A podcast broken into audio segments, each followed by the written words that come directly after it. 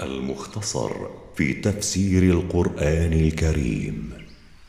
تلاوة الشيخ القارئ محمد صديق المنشاوي. قراءة التفسير ياسين اللحياني ورياض عاشور. إنتاج مركز تفسير للدراسات القرآنية. سورة البلد. أعوذ بالله من الشيطان الرجيم. بسم الله الرحمن الرحيم. لا أقسم بهذا البلد. أقسم الله بالبلد الحرام الذي هو مكة المكرمة. وأنت حل بهذا البلد. وأنت أيها الرسول حلال لك ما تصنع فيها من قتل من يستحق القتل وأسر من يستحق الأسر. ووالد وما ولد. وأقسم الله بوالد البشر وأقسم بما تناسل منه من الولد. لقد خلقنا الإنسان في كبد. لقد خلقنا الإنسان في تعب ومشقة لما يعانيه من الشدائد في الدنيا. أيحسب أن لن يقدر عليه أحد؟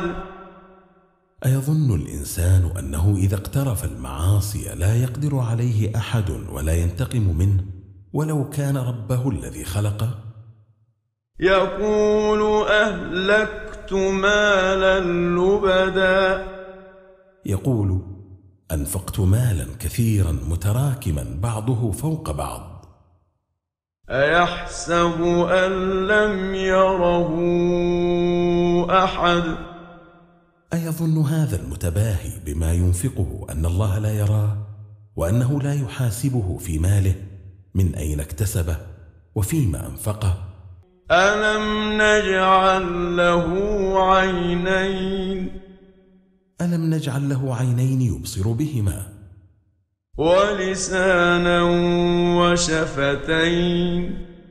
ولسانا وشفتين يتحدث بهما. وهديناه النجدين وعرفناه طريق الخير وطريق الباطل. فلاقتحم العقبة. وهو مطالب بأن يتجاوز العقبة التي تفصله عن الجنة فيقطعها ويتجاوزها. وما أدراك ما العقبة؟ وما اعلمك ايها الرسول؟ ما العاقبه التي عليه ان يقطعها ليدخل الجنه؟ فك رقبة. هي اعتاق رقبة ذكرا كانت أو أنثى.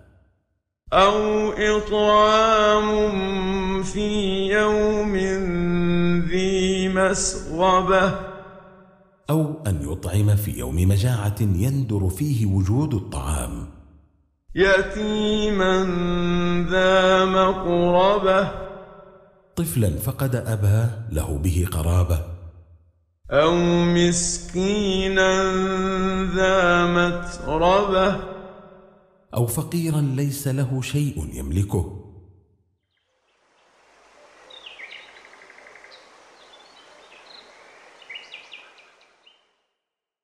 ثم كان من الذين آمنوا وتواصوا بالصبر وتواصوا بالمرحمة. ثم كان من الذين آمنوا بالله. وأوصى بعضهم بعضا بالصبر على الطاعات وعن المعاصي وعلى البلاء وأوصى بعضهم بعضا بالرحمة بعباد الله. أولئك أصحاب الميمنة. أولئك المتصفون بتلك الصفات هم أصحاب اليمين. والذين كفروا بآياتنا هم أصحاب المشأمة. والذين كفروا بآياتنا المنزلة على رسولنا هم أصحاب الشمال. عليهم نار مؤصدة. عليهم نار مغلقة يوم القيامة يعذبون فيها. إنتاج مركز تفسير للدراسات القرآنية.